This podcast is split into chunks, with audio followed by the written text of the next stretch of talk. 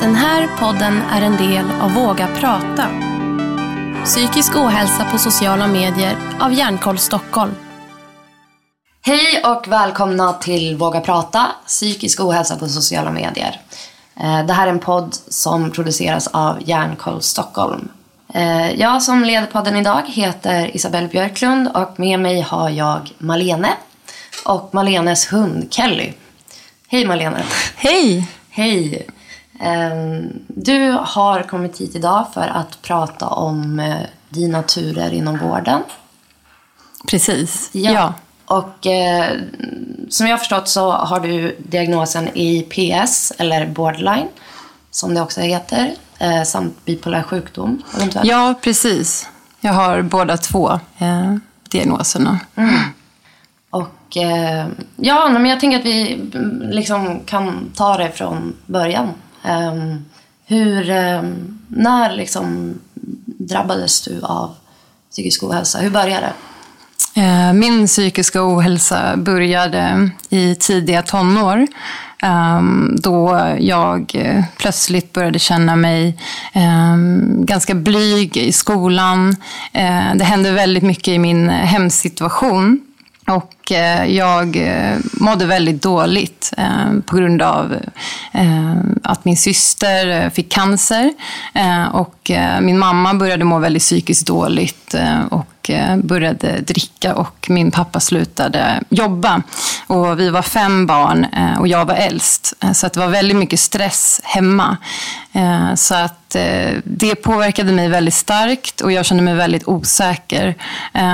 Och jag la allt mitt fokus på att prestera i skolan och känna mig bra där.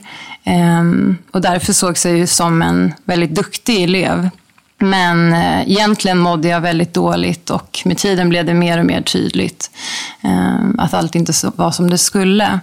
Ehm, men trots det så fick jag inte någon direkt hjälp. Och jag förstod inte vad som pågick inom mig. Och jag förstod inte att jag var sjuk och att det fanns hjälp att få. Mm. Men var det här någonting som liksom kom successivt eller var det som att det så slog ner som en bomb? Eller, och hur, yt, alltså, hur yttrar det sig? Det kom eh, med tiden. Eh, jag var ett väldigt, väldigt glad som barn eh, och hade väldigt många kompisar. Jag pratade med alla och var väldigt social. Ehm, och sen började den här liksom inre otryggheten i och med att, eh, ja, att jag kände mig otrygg hemma. Eh, och eh, den här depressionen som jag nu har förstått att det var, den liksom smög sig på och eh, tog över mer och mer.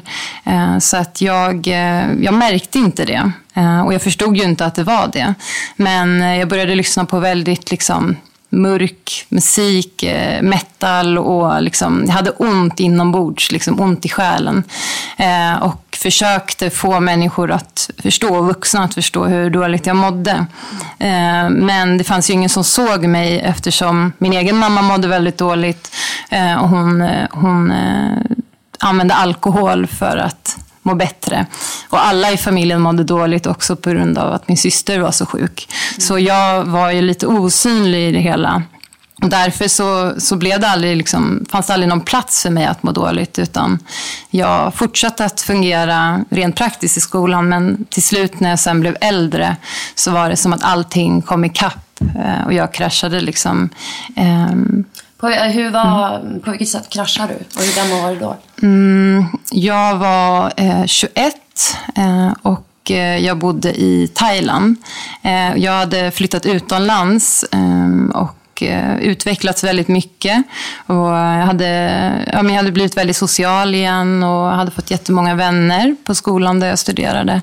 Eh, men eh, sen hände någonting och, och jag började känna mig deprimerad igen. Och sen gick det plötsligt väldigt snabbt från att jag hade hur många vänner som helst och var jättesocial och glad till att jag var rädd för alla vänner och knappt vågade lämna mitt hem.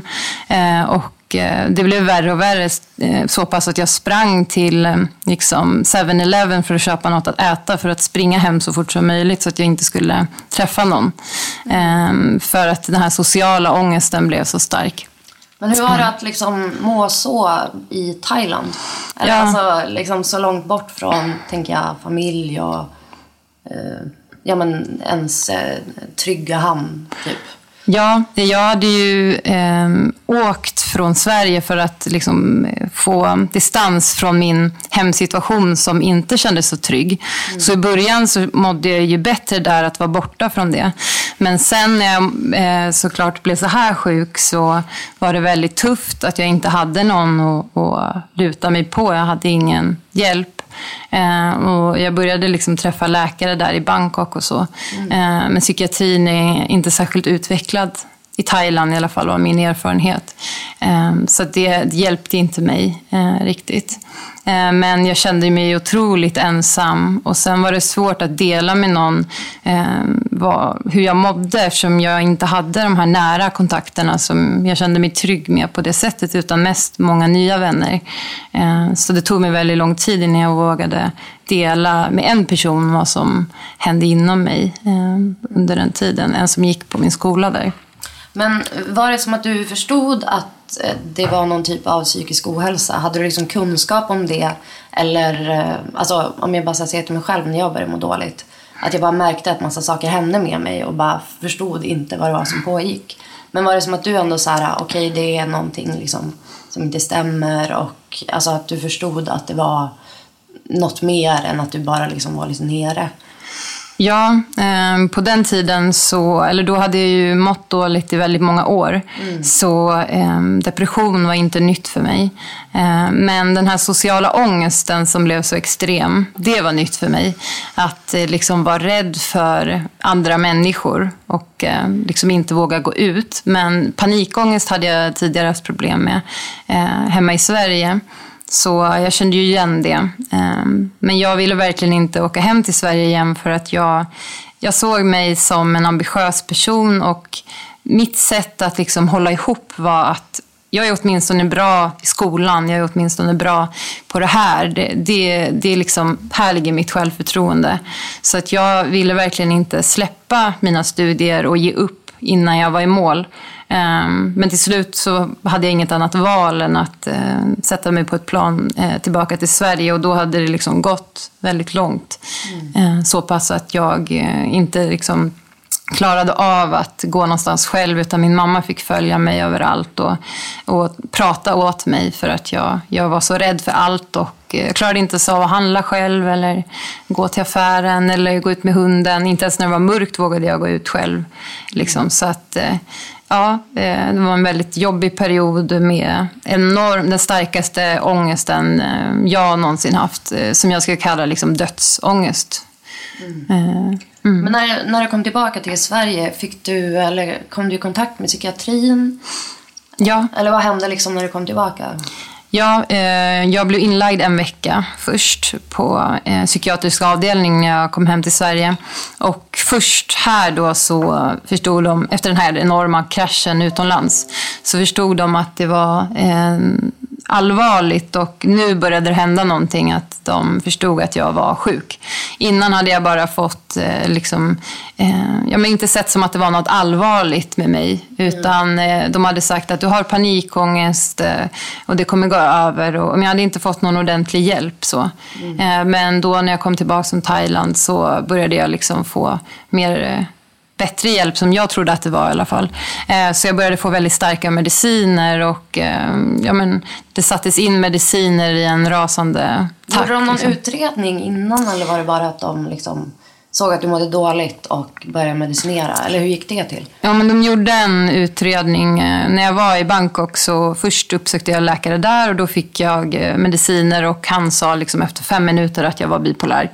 Så det var ingen ordentlig utredning där. Och sen när jag kom hem till Sverige så hade jag ju det med mig och eh, då så gjorde de en utredning som tydligen inte var så jättebra gjord, eh, ganska snabbt och eh, sa att jag var bipolär. Och sen började om medicinering och eh, väldigt höga doser och in och uttrappningar om vartannat. Men jag blev bara sämre och sämre.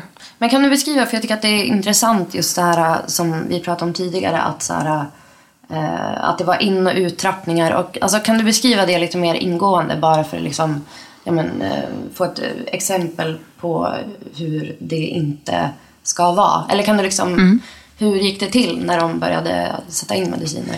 Ja, alltså jag, jag mådde ju så dåligt så att eh, jag, jag var som skalet av en människa ungefär. Så att jag, jag var ju bara så här i, liksom beroende av, av läkarnas hjälp. Så jag tog det som de sa, ta det här. Så tog jag den medicinen och Eh, ja, men det, det fortsatte med att ungefär varje månad var jag hos läkare. Eh, och varje månad fick jag något nytt som lades på den andra högen av, redan, av mediciner jag redan hade. Och sen så, eh, ja, så nästa månad satte de in något nytt igen. Och sen så under tiden trappades någonting ut hela tiden. Så att jag hade ju liksom in och utsättningssymptom hela tiden och enorma biverkningar som gjorde att jag mådde ännu sämre. Jag hittade, kunde ju inte hitta en stabilitet. Och i efterhand så har jag fått veta att eh, det här eh, gick alldeles för snabbt och liksom, de fick inte tid att, att börja verka medicinerna ordentligt. Och för att man behöver några månader för att se ordentligt om, om de fungerar innan man bara tar bort dem och så. Eh, Så jag tycker att det var inte eh, så bra gjort. Eh, Och sen när, eh, när jag hade provat i princip alla mediciner som den här läkaren kunde erbjuda eh, för bipolär sjukdom så började de ifrågasätta om jag faktiskt var bipolär. Och då skickades jag till en specialist eh, på bipolär sjukdom. eh, Där det gjordes en ny utredning och eh, då fick jag diagnosen EIPS, eh, alltså tidigare borderline-diagnos. Men jag, eh, jag tänker när liksom det här pågick med medicinerna in och ut. Um, ehm, vart var du i hela det här? Alltså, alltså, eller min erfarenhet, i alla fall när jag liksom började med massa mediciner, så, så upplevde jag att jag liksom så här förlorade mig själv. Och jag visste inte, så här, är det så här man ska känna? Ska man bli en zombie? Eller ska man liksom, eller som du gav ett exempel, att du liksom i princip bara låg i sängen och stirrade. Alltså var det som att du i den här processen kände bara, ah, men det här är inte jag? Eller var det som att du bara, jag mår så dåligt, hjälp mig. Alltså, hur, vart befann du dig i, i det hela? Liksom? Ja, alltså jag, jag försökte verkligen att eh, få ork till att eh, göra saker som skulle få mig att må bättre. Som att eh, ja, men när jag fick min hund och gå promenader med hunden och så. Men de här medicinerna var så starka att jag hade svårt att ens komma upp i sängen. Och eh, när jag väl kom upp i sängen så tog det mig liksom tills kvällen förrän jag började vakna. Eh, och Eh, ja, men jag var yr när jag skulle knyta skorna, jag var yr när jag skulle gå i trappan, så jag kände mig liksom som en gammal pensionär ungefär som behövde rullator. Så utmattad och snurrig eh, kände jag mig. Eh, så att eh, det var ju omöjligt för mig att att eh, liksom förändra mitt mående och att kunna göra det jag behövde göra för att komma ut i ett eh, normalt liv igen. När, eh, när jag var så övermedicinerad som jag var. Gick du hos en psykolog under, eller var det bara liksom läkemedel? I början var det bara läkemedel ehm, och eh, det tog ett tag innan jag eh, fick träffa någon och jag fick kämpa för det. För att ehm, ja, de har liksom begränsade resurser som det verkar.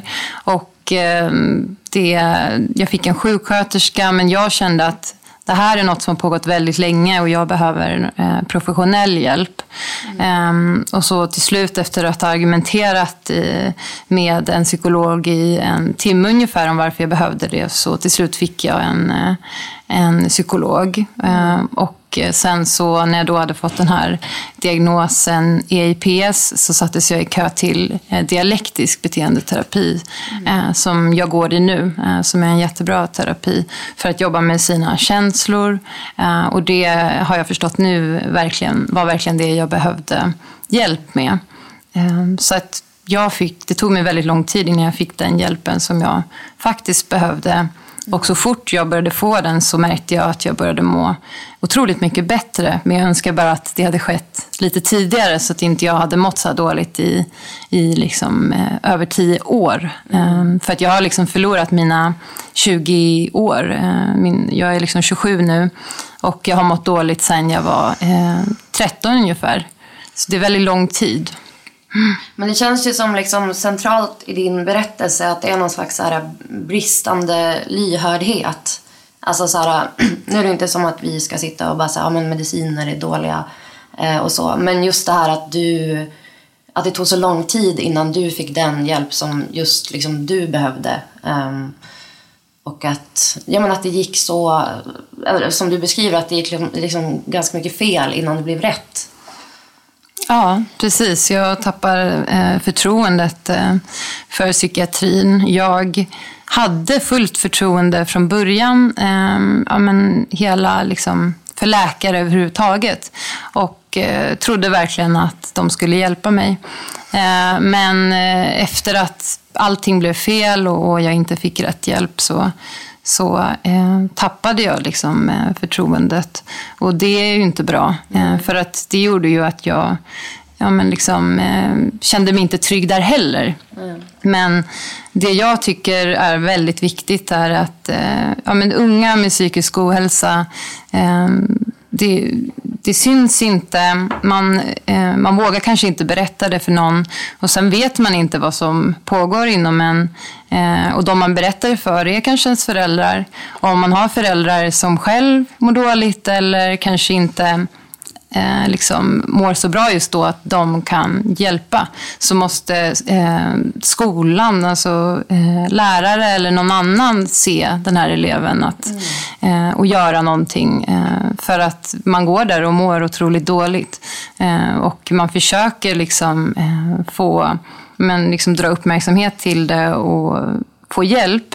Eh, samtidigt går man med väldigt mycket skam och skuld inombords mm. eh, och förstår inte och man tänker att det här är väl mitt fel att jag mår så här. Mm. Eh, så att just att att man ska få veta att det här är normalt. Om någon hade sagt till mig det här är helt normalt med tanke på eh, allt som pågår hemma hos dig och att du mår så här. Mm. Och gett mig hopp eh, att eh, jag kunde må bättre. Mm och såklart rätt hjälp. För det var det, nu svarade du på frågan mm. som jag typ hade tänkt ställa. Mm. Ehm, just det här vad du hade behövt. Men om man ser mm. liksom um, till skolan. Hur, hur tänker du att man kan så här, plocka upp de personerna som inte mår bra? Alltså, har du någon tanke om vad som så här, skulle krävas för att det inte liksom ska pågå så länge uh, för en person som inte mår bra, liksom, utan att den får hjälp Ja, alltså det viktigaste är väl att prata om det så att, eh, att prata med den här eleven eh, och fråga och, och, säga att man har sett att, att den personen kanske inte mår så bra. Försöka nå eh, eleven liksom utan att eh, på ett bra sätt, ett pedagogiskt sätt som inte eh, liksom gör att den drar sig bortåt. Eh, och inte sätta för hård press på att den ska berätta allt på en gång, inte vara för på. Ehm, men att liksom ge möjlighet att, eh, att eh, liksom öppna upp för ett samtal eh, och mm. göra att den här personen känner sig sedd. Mm. För troligtvis så känner den sig inte sedd någonstans. Men också att vi behöver, liksom, alltså elever behöver veta vad psykisk ohälsa är. Ja, men det var det mm. exakt som jag, mm. i alla fall när jag gick i skolan, så här, ja, man hade psykologi och man läste om så Freud och bara den orala fasen, så här, jätteviktigt. Mm. Men, men liksom så här, eller när jag själv blev sjuk, så, så här, jag visste ju typ inte vad alltså, psykisk sjukdom var. För det var ju liksom, ja men det, alltså, det sker ju inte så mycket undervisning kring eh, ja, men psykisk ohälsa och jag tror, alltså, jag tror verkligen att det bidrar till den här liksom, eh, skammen man känner och att det är något fel på mig och det, jag är udda och så vidare och så vidare. Um, så det är väl, uh, ja men det är någonting som jag tänker att man så borde verkligen undervisa, alltså undervisning i uh, ja, men, psykisk hälsa och ohälsa i skolan. Liksom. Mm. Ja, framförallt nu när det börjar bli mer och mer vanligt. Eh, men för det är just det att man söker ju inte hjälp om man inte vet att det är någonting, Nej. att man lider av någonting som man kan få hjälp för. Eh, så det är ju det första steget. Och sen handlar det om den här eh, tabun, liksom att söka hjälp för det. Mm. Eh, och sen i andra steget så handlar det om bemötandet som man får när man väl kommer till psykiatrin. Mm. För att eh, jag sökte hjälp på psykiatrin en gång och eh, då, jag fick inte ett särskilt bra bemötande. Jag berättade om min mammas alkoholproblem och eh, då så sa den här personen att jag att jag hade, eller anklagade mig för att ha alkoholproblem. Mm. Och jag var 20, 21 där. Så jag drack som man gör i den åldern. Alltså jag gick ut lite då och då. Så. Mm. Så, eh, men på grund av att jag hade berättat det så hade jag också alkoholproblem. Och just att sätta att kunna säga någonting sånt till en person som eh, liksom har, har eh, liksom berättat någonting som är så eh, djupt för den personen och öppnat sig så. Det, det gjorde ju att jag tappade förtroendet när den här personen som jag ville känna förtroende för anklagade för mig för någonting som inte egentligen var sant. Det är så jävla, alltså jag tänker, mm. det är så lätt hänt. Mm. Alltså att det, ett möte kan vara så, ändå så avgörande. Mm. Ja. Eh, att man liksom för den personen är det bara ännu en patient eller ännu en person. Mm. Men för liksom en själv som går dit så kan det liksom eh, ja, men vara avgörande för om man så här, litar jag på sjukvården? Kommer jag så här, söka mig dit? Eller tänker jag att alla är liksom idioter? Alltså så här, mm. att, det är, ah, alltså att det är så himla viktigt. Men jag tänker så här, du har ju eh, gått igenom eh, väldigt mycket så här jobbiga saker men verkar ju ändå ha kommit ut på och hamnat på en bättre plats.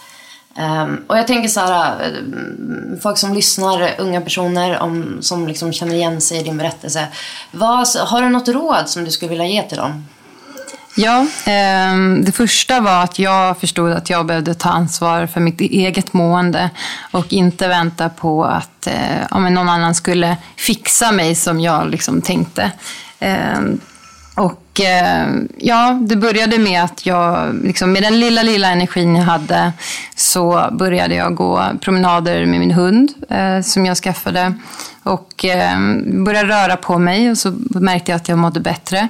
Eh, och sen så eh, började jag träna. Eh, och liksom, jag gjorde aktiva saker för att förändra min livssituation och mitt mående. Men tänker du att det var just liksom att du gjorde de här sakerna Eh, eller var det just den här känslan av att du faktiskt hade kontroll liksom, över ditt eget mående? Eller en kombination sagt? Alltså... Ja, precis. En kombination av att jag, eh, att jag fick den insikten. Att nu måste jag verkligen kämpa. Eh, och det är ju svårt när man mår så dåligt att, eh, att orka kämpa eh, för att förändra sitt liv. Men tyvärr så är det så att ingen annan kan fixa det för dig och ingen annan kan gå in i din hjärna och liksom, eh, jobba med de här känslorna som, som eh, du har svårt med och mår dåligt av. Så när jag förstod det så förstod jag att ja, men egentligen jag måste lägga, lägga ner någon typ av arbete för att må bättre. Och jag måste vara aktiv i det här. Ehm, och det, det ska inte vara en prestation utan att man gör det som, som man orkar. Och det kan vara något litet som att bara gå ut i dagsljus eh, tio minuter istället för att ligga inne i sängen hela dagen. Mm. Men att man, liksom, man inte bara ger upp. Och, och sen, alltså man kan ha perioder då man ger upp. Det är helt okej okay det också. Verkligen. Eh, men att eh, när man har energin, bara en liten gnutta, mm. så gör man någonting som, som kan förändra. Eh, men men liksom, det viktigaste tror jag är att se det som ett, i ett helhetsperspektiv. Och, ja, men jag, jag började se det som ett pussel, liksom, att jag försöker liksom, ändra ja, men, min hemsituation och sen försöker jag ändra eller jobba med mina känslor och sen försöker jag läka min kropp med kosten.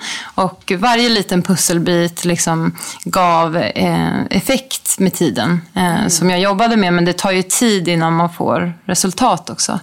Eh. Men jag tänker så här när man mår dåligt så kan det också vara svårt att så här, motivera sig själv till att eh, ja, men, äta bra eller liksom, träna. Fanns det någonting som gjorde att du liksom ändå fick den kraften att eh, vända på saker? Ja, eh, det var när jag faktiskt märkte att det jag gjorde gav effekt. Så när jag märkte att eh, jag fick energi och mådde bättre av att gå långa promenader med min hund, eller korta promenader som det var i början, då fick jag liksom, eh, lite liksom, ny energi och eh, jävlar anamma liksom att eh, nej, nu ska jag verkligen ta tag i det här och förändra mitt liv. För jag är så trött på det här. Um, och det drev mig framåt. Så det blev liksom som min passion med hälsa och träning och kost. Just för att jag förstod att jag mådde så bra av det. Så jag läste på, jag läste jättemycket böcker om det.